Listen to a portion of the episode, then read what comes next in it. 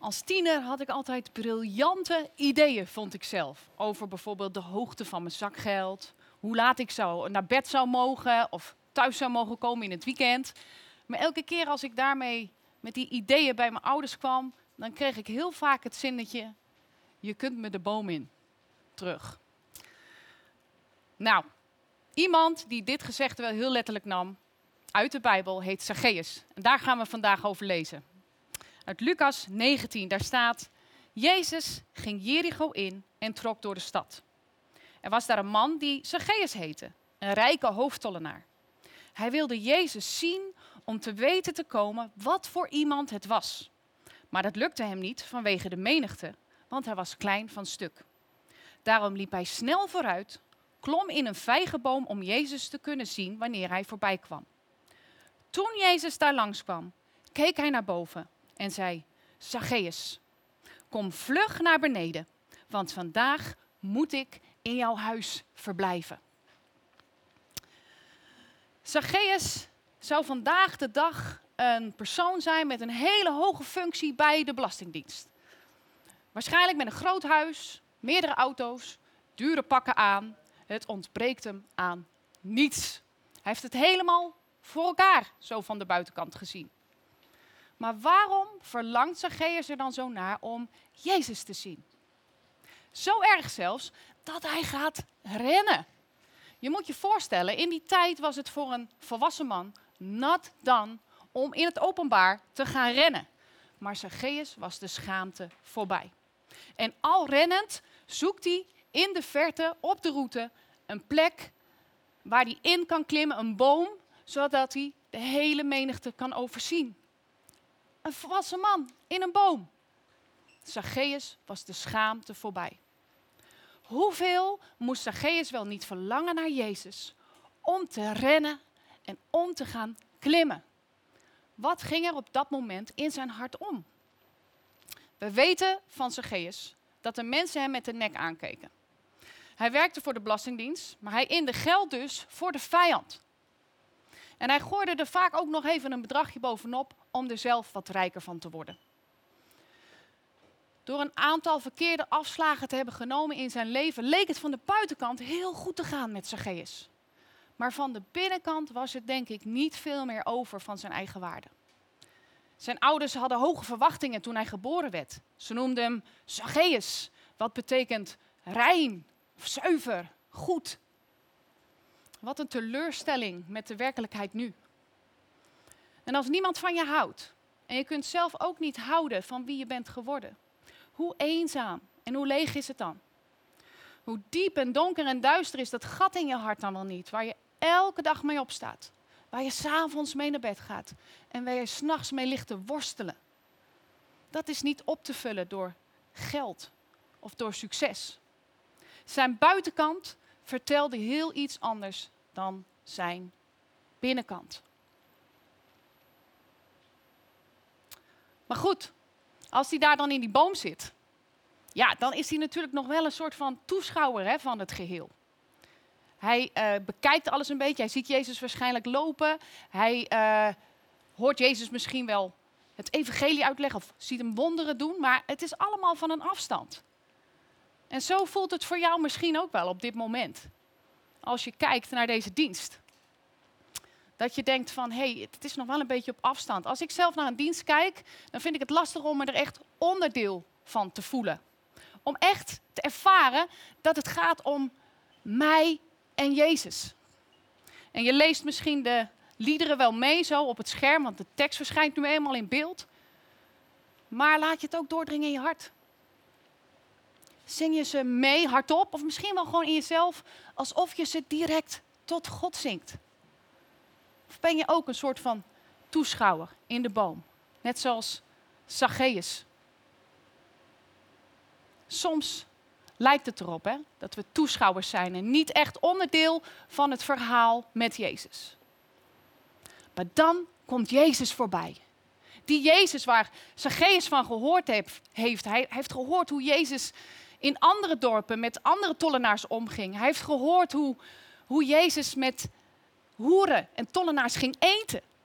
Hoe hij het opnam voor een overspelige vrouw. Dat is wat Zacchaeus in zijn hoofd heeft. En hij verlangt ernaar om ook zo door Jezus gezien te worden. Niet vol minachting, maar vol liefde. Daar verlangt Zacchaeus naar.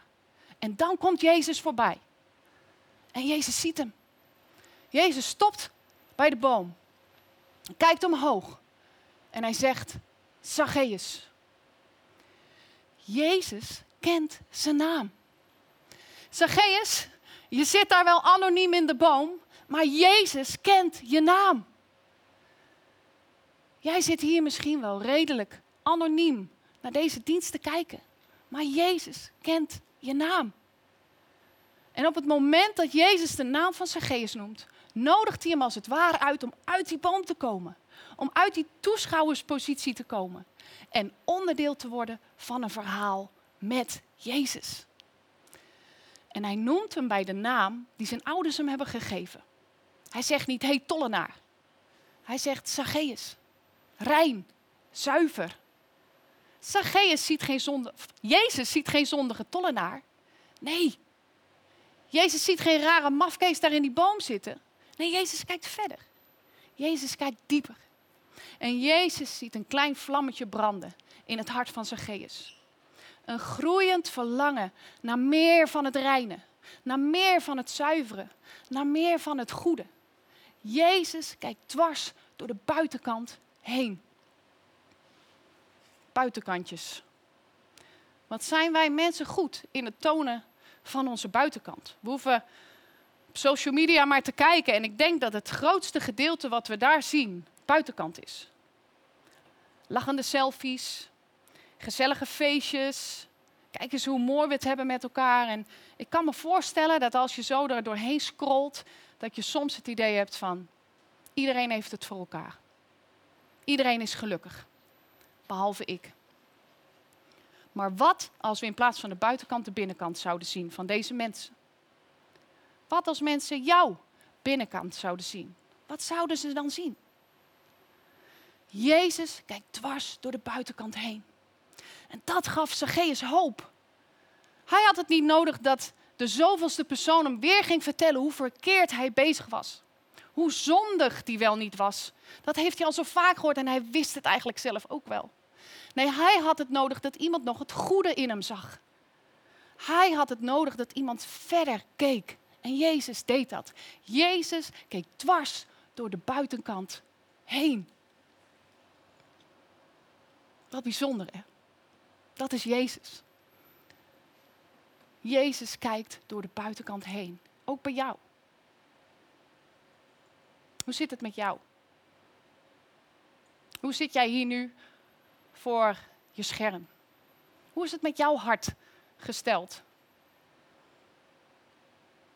Weet je wat het bijzondere was? Op het moment dat Jezus Zacchaeus uitnodigt om uit die boom te komen, lezen we niets van schaamte. We lezen niets van schaamte dat hij ontdekt was. Nee, hij komt vlug uit die boom en hij ontvangt Jezus vol vreugde thuis. Want Jezus vraagt letterlijk aan hem: Zacchaeus, kom nu naar beneden, want vandaag moet ik bij jou thuis zijn. En wat gebeurt er in die tijd dat Zacchaeus met Jezus is? Zacchaeus besluit zelf om de helft van zijn bezittingen weg te geven.